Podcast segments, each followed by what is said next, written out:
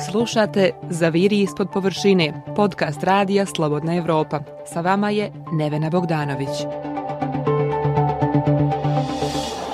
Radio Slobodna Evropa, kako ocenjate sadašnji rad parlamenta? Ovo pitanje postavila sam poslanicima vladajuće većine u Skupštini Srbije, sa namerom da započnem razgovor sa njima o njihovom radu. Više od 20 poslanika prolazilo je pored mene po izlasku iz skupštinske sale, ali se na pitanje niko nije osvrnuo. Šta nam to govori? Kako se usred mesta gde se donose zakoni koji direktno utiču na sve građane Srbije ponašaju poslanici? Za govornicom, kako prema novinarima, kako u skupštinskom bifeu. Ja sam Nevena Bogdanović, a u ovoj epizodi podcasta Zaviri ispod površine otvorit ćemo vrata Skupštine Srbije. Nego što sam krenula u Skupštinu da pričam sa poslanicima, zanimalo me šta građani misle o radu parlamenta i onih 250 izabranih da građane Srbije zastupaju. Znaju li građani ko su aktuelni poslanici i šta rade? Da li pratite rad Skupštine Srbije? Slabo. Zašto? Pa ne interesuje. Ne interesuje vas? Ne. A da li znate ko su predstavnici građana koji su trenutno u Skupštini? Pa sve stvarno sam. Da li imate neko pitanje za njih? Ne. Zbog čega toliko neinteresovanje, nezadovoljstvo? Pa zbog opšte situacije. Zato što je jednostranačka skupština, to je potpuno besmisleno. E, stvarno ne. Samo u novinama, onako po neki naslov, stvarno ja nemam stomak za to. Mučno mi je i ne mislim da su svi ljudi zaslužili da budu tamo i zato ne slušam. Da li pratite rad Skupštine Srbije? Da, Pa kad su procedure za usvajanje zakona, Mogu zbog vam, stručnog aspekta. e, mogu vam reći da ste redki od kojih sam Pa dobila zato takav kažem, odgovor. zbog struke. Transparentno je u smislu, možeš da čuješ da vidiš sve te informacije, ali šta se pre toga desilo u tim procedurama, to nije potpuno transparentno. A da imate priliku da im postavite neko pitanje poslanicima, šta biste pitali? Zašto nisu aktivniji u postavljanju pitanja ili usvajanja amandmana, predlaganja amandmana i slično? Nešto me nešto puno ne, ne zanima, eto iskreno. A s obzirom na to da tamo sede ljudi koji predstavljaju građane Srbije, koji bi trebalo da donose zakone, da li možda postoji Pa- neko pitanje koje biste im postavili da imate priliku? Iskreno više ne. Ljudi rade šta hoće, šta da im postavim? Da li možemo mi da utičemo na njihove Pa odluke? naravno da može, ali ja ovako mator teško, vi mlađi bi morali malo više se potruditi. njima ne treba ni smišljati pitanja, ni pitati ih. Što? Odgovor bi uvek bio isti. Da vam kažem, ovaj, ranije je bilo zanimljivo kad je bila više stranačka. Pa sad? Sad je totalno neinteresantno jer sve je glupost, ludost. Dakle, pitanje je gde je opozicija u parlamentu? Manje od polovine birača izašlo je na izbore u junu. Deo opozicije je bojkotovao izbore, deo ostao ispod izbornog praga. Ubedljivu većinu osvojila je Srpska napredna stranka i ovako to izgleda kada se glasovi pretvore u skupštinske fotelje. Naprednjaci i stranke koje su pre izbora ušle s njima u koaliciju 188 poslanika. Dakle, sami imaju više od dve trećine mesta. Socijalistička partija Srbije i njihovi partneri imaju 32 poslanika i tu je još spas bivšeg vaterpolista Aleksandra Šapića sa 11 mandata. Svi oni su u vlasti.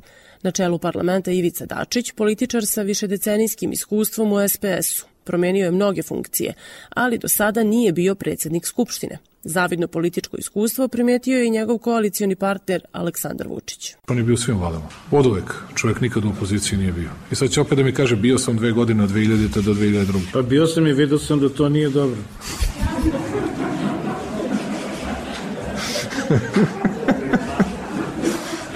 Uvek je imao šarma najviše. I ljude da nas smeje. Vlast su podržali i poslanici iz redova nacionalnih manjina, devet iz Saveza vojvođanskih Mađara i četiri poslanika iz koalicije koju predvodi Muamer Zukorlić. Van vlasti ostao je jedan samostalni i šest manjinskih poslanika, troje sa albanske i troje sa bošnjačke liste koju je predvodio Sulejman Ugljanin. Šestor albanaca i bošnjaka oformilo je poslanički klub i kako kažu, jedina su opozicija trenutno u parlamentu, pa su među najaktivnim poslanicima. Enis Imamović se za reč javio više od 20 puta. Pa vidjeli ste na prvih nekoliko sednica da u ovom sazivu nažalost ne postoji razumijevanje za drugačije mišljenje, drugačiji stav, a pogotovo nema mjesta ukoliko to drugačije mišljenje, drugačiji stav dolazi od predstavnika Bošnjaka i Albanaca. Vidjeli smo da su predstavnici režima izuzetno burno reagovali na mnoge naše prijedloge koje mi iznosimo u ime naroda i u ime građana koji su nas birali da ih ovdje predstavljamo. Meni je ovo četvrti saziv parlamenta u kojem učestvujem i moram da posvjedočim tome da je svaki saziv od onog 2012. do ovog danas bivao sve gori i gori. Nažalost, moram da kažem Kako da sam... sve gori, gori? Pa po pitanju a, slobode govora, slobode izražavanja i po pitanju tolerancije na drugačije mišljenje i drugačiji stav.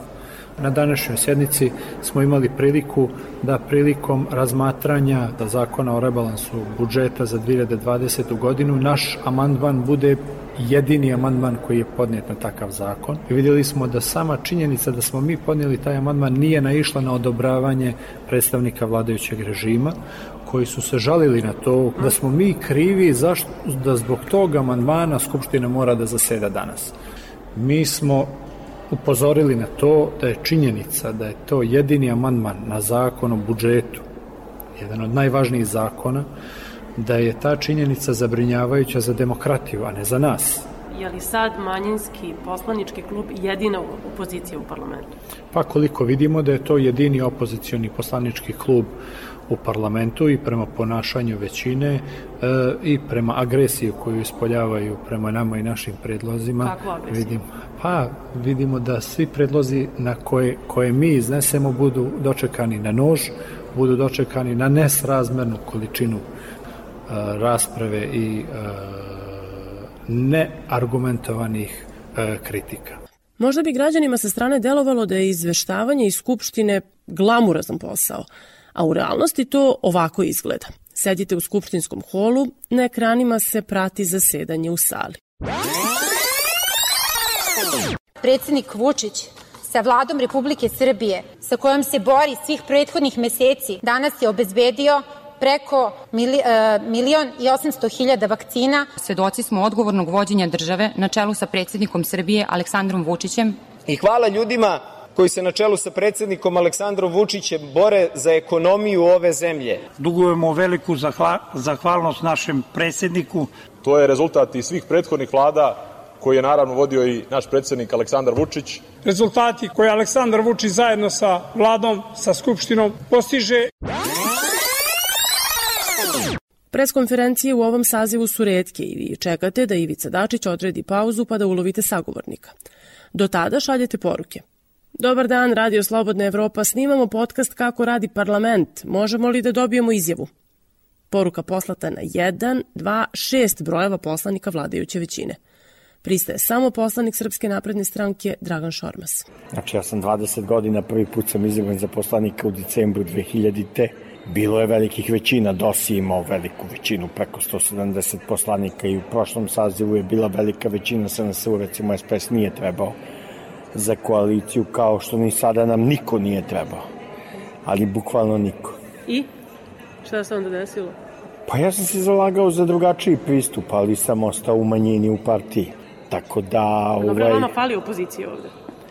Pa ja mislim da je čudan rad parlamenta na ovaj način na ovaj način je čudan rad parlamenta. Ja sam se borio protiv delegatskog principa, ali znate kako, ovo je izbor građana, znači koji je nesporan, narodna volja je takva kakva jeste, s druge strane, neki su bili toliko slabi politički da nisu mogli da pređu cenzus, a drugi su ovaj napravili glupu odluku, što im inače kaže ceo svet, pa su ovaj, bojkotovali izbore.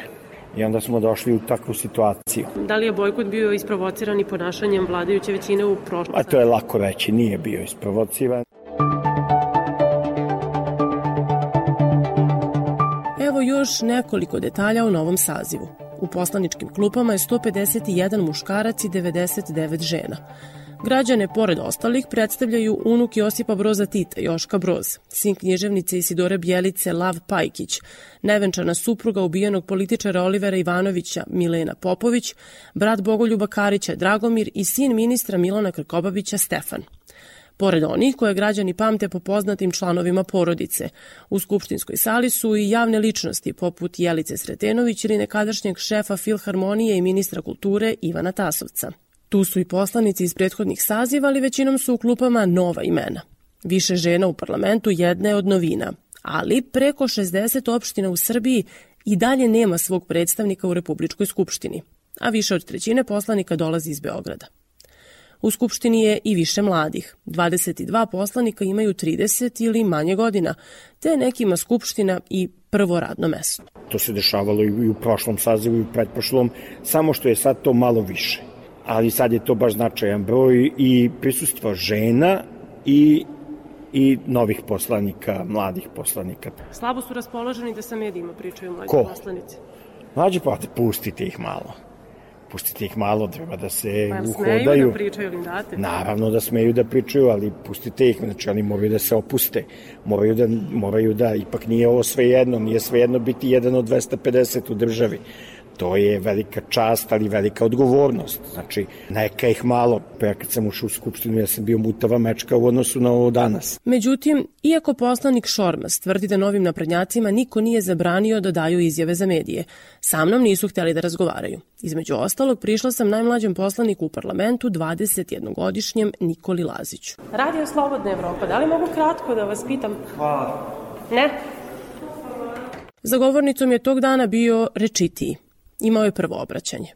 Za kraj, želim da se zahvalim predsedniku Aleksandru Vučiću, Srpskoj naprednoj stranci i građanima Srbije koji su omogućili da se u ovoj skupštini čuje glas mladih. Predaja nikada nije bila opcija. Živela Srbija. Hvala.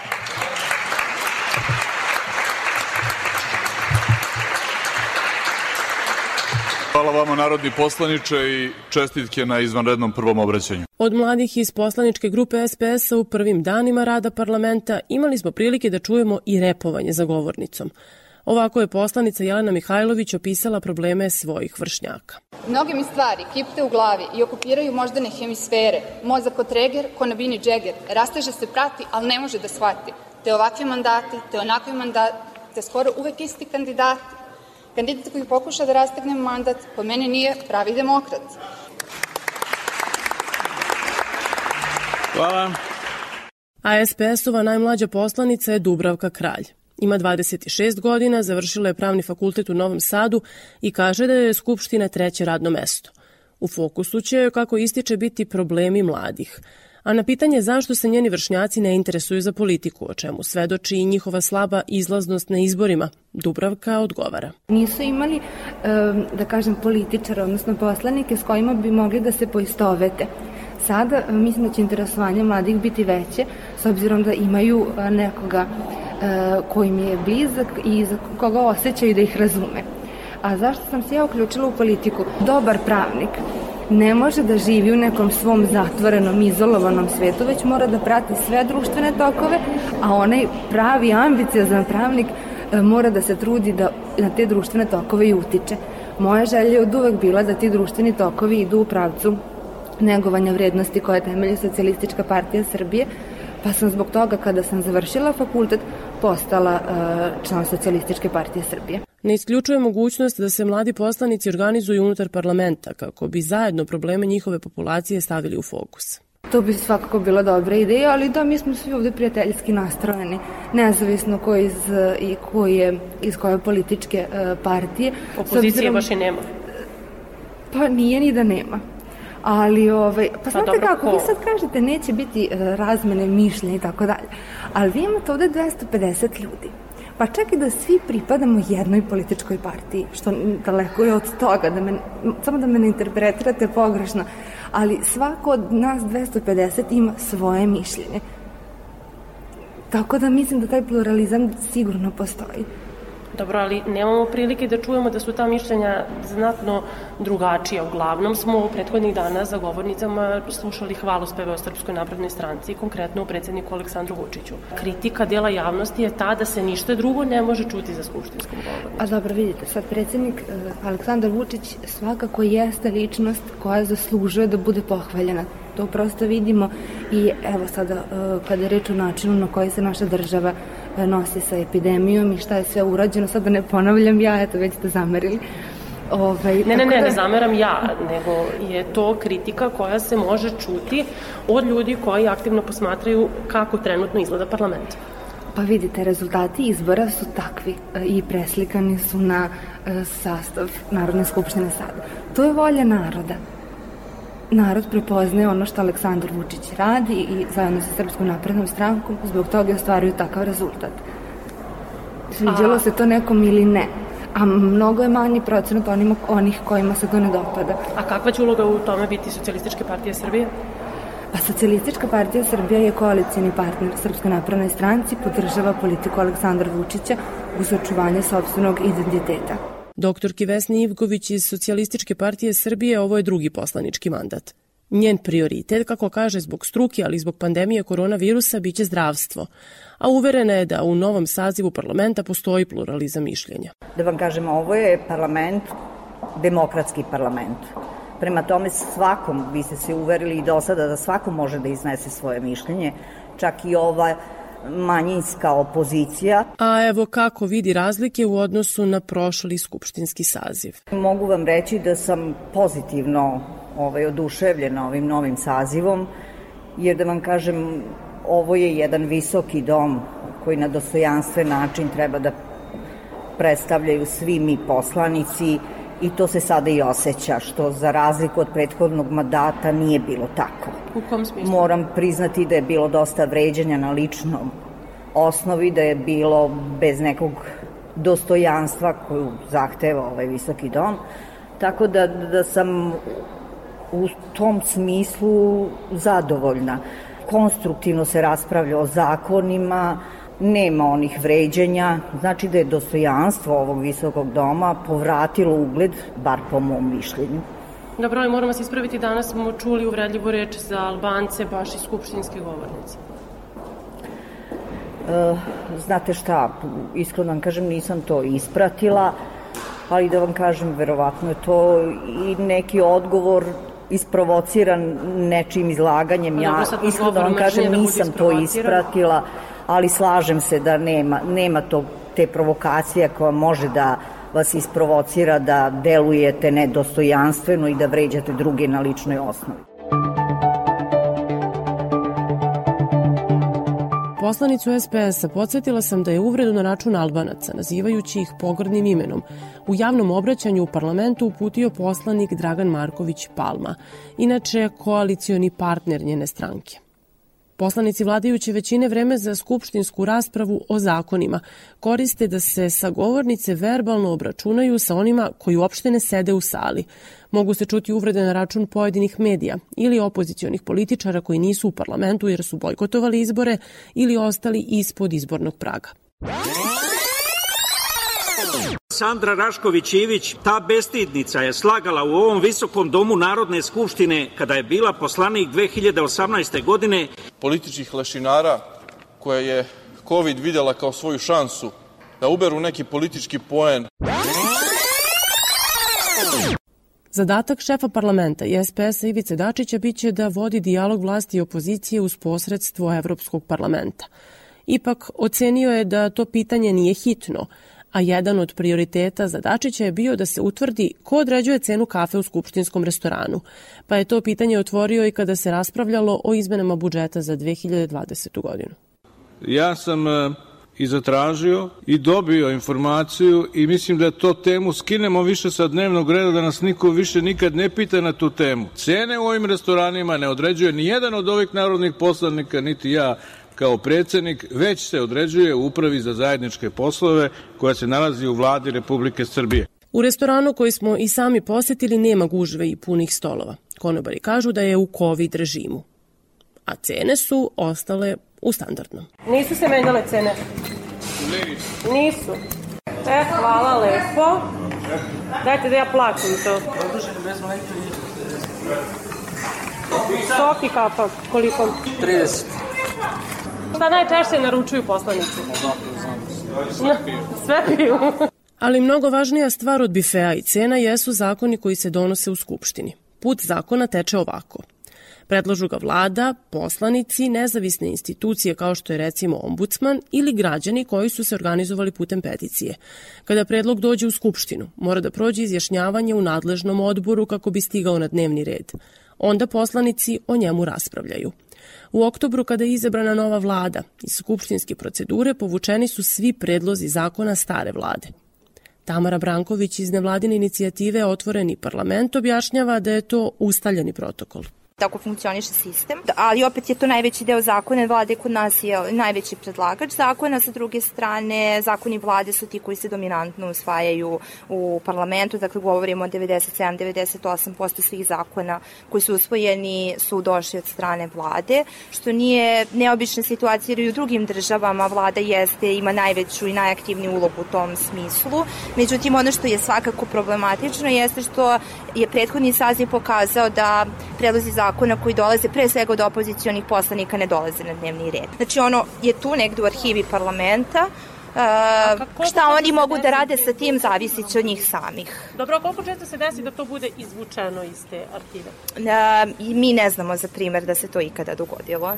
Što znači da, na primer, uh mhm. -huh. kada su građani podneli inicijativu da se ograniči emitovanje reality programa, uh mhm. -huh. pitanje je... Da li će oni ikada doći na dnevni red? Mi imamo između ostalog i neke inicijative iz 2007. godine koje su još uvek tu za izmenu zakona slobodnom im pristupu informacijama od javnog značaja u tom trenutku, zabranu pušenja u zatvorenim prostorima, znači sve te inicijative koje su i građani podnosili i dalje su tamo, ali ih više niko nije razmatrao. Otvoreni parlament, između ostalog, na svom sajtu pruža dodatne informacije o radu poslanika. Na primjer, koji su zakon predložili, kako su glasali, koliko su puta prisustvovali sednicama, koliko su se puta javljali za reč i šta se raspravljalo na sednicama odbora. Tamara Branković navodi skori primer odbora za pravosuđe, koji je trajao samo 7 minuta. Ovaj parlament je svakako parlament sa najmanje pluralizma, a sa druge strane opet možda i najmanje iskustva u, u skupštinskom radu, naročito kad imamo u vidu da je preko 50% narodnih poslanika u Narodnoj skupštini po prvi put, da je mnogo njih koji su mladi, dakle da imaju jel, ispod 40, ispod 30 godina. Pitanje koje mi uvek postavljamo, a na koje još uvek nismo dobili odgovor jeste da li je neko radio sa tim ljudima pre nego što su oni preuzeli svoju ulogu narodnih poslanika. Naročito što parlamentarni rad i svim jel, procedurama i sadržajem koji treba da se obradi velikim brojem i dokumenta i brojnim oblastima nije to posao koji tek tako lako jednostavno bez bilo kakvog učenja unapred može da bude savladan.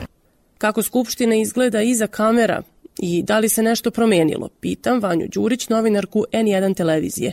Ona je pratila zasedanje u prošlom, a to radi i sada u novom sazivu. Ono što mi je ključna razlika i što primećujem za ovo kratko vreme e, jeste to da više nema opozicionih poslanika i poslanica e, koje smo mogli ranije da sretnemo u holu, da pitamo za mišljenje, uzmemo izjave. Druga velika stvar je to što praktično nema rasprave u, u plenumu. Poslanici vladajuće stranke e, uglavnom nisu bili spremni da govore za mediji za koje ja radim i ranije, tako da se sad ta tradicija, ta praksa ta, zapravo e, nastavila, ali nekako ranije ih isprovocira ta opozicija, pa onda oni odreaguju i organizovali su te e, konferencije za novinare, sad nekako mi utisak da prosto uopšte nemaju tu potrebu i da nekako uopšte ne razmišljaju da oni sad kao e, duguju nekakve informacije medijima, odnosno da su dužni javnosti nešto da objasne. Vidjet ćemo kako će to biti u nekom narodnom periodu. Neki od njih rekla bih da jesu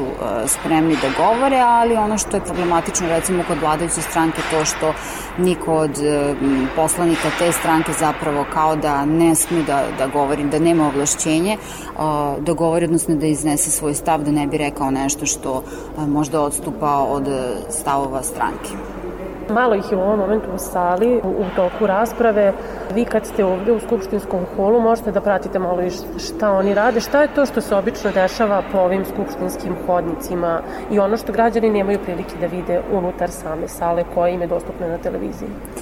Pa, e, dešava se dosta često da oni izlaze, da šetaju, da dolaze do restorana, da piju, jedu, da se sreću sa drugima, izlaze uopšte iz a, zgrade Skupštine, to ono što, što ljudi ne vide, zapravo vide, na primjer, nekada kada je poluprazna sala i kada e, imali smo ranije tu situaciju da je nedostajao kvorum, pa se onda oni pozivaju nazad da se vrate i tako dalje, ali ono što je meni recimo sada zanimljivo da vidim da a, obave to svoje izlaganje, kažu šta imaju i zapravo izlaze iz sale.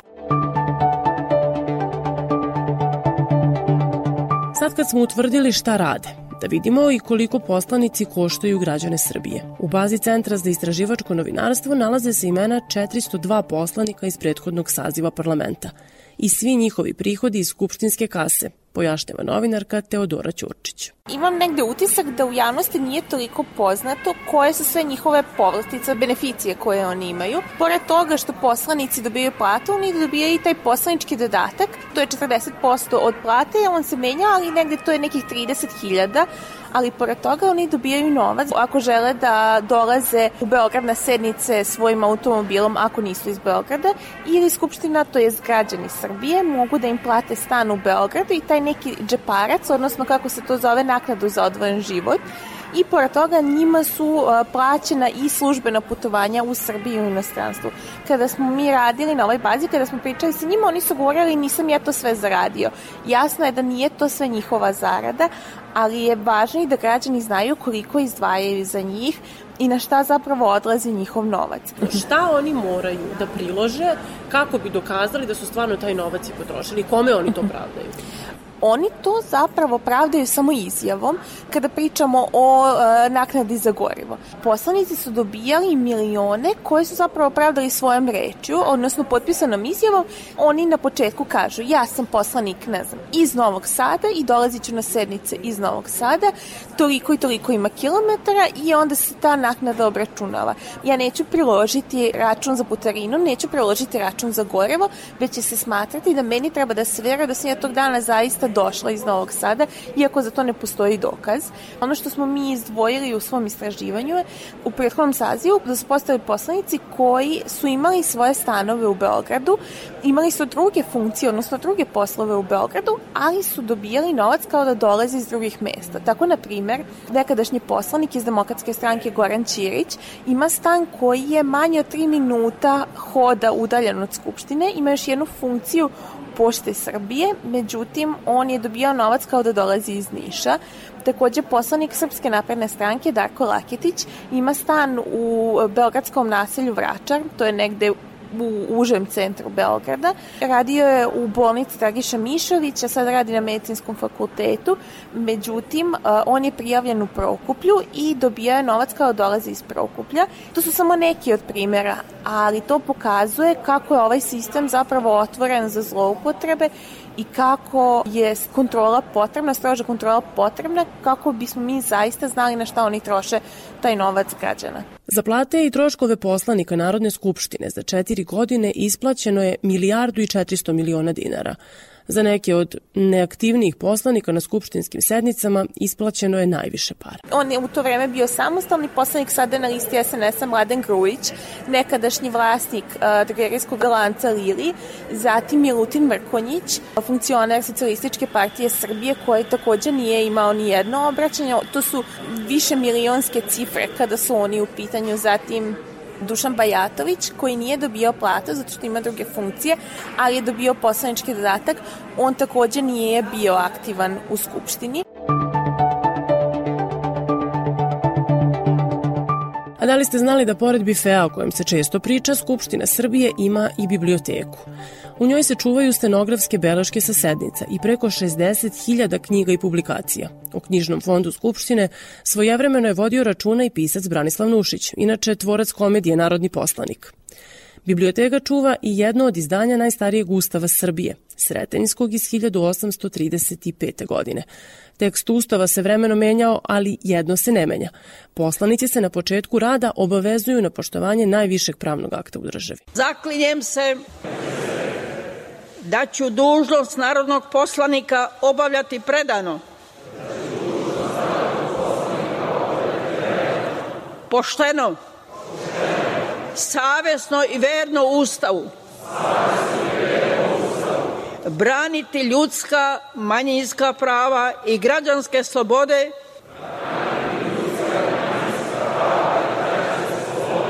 I po najboljem znanju i umeću i umeću služiti građanima Srbije istini i pravdi.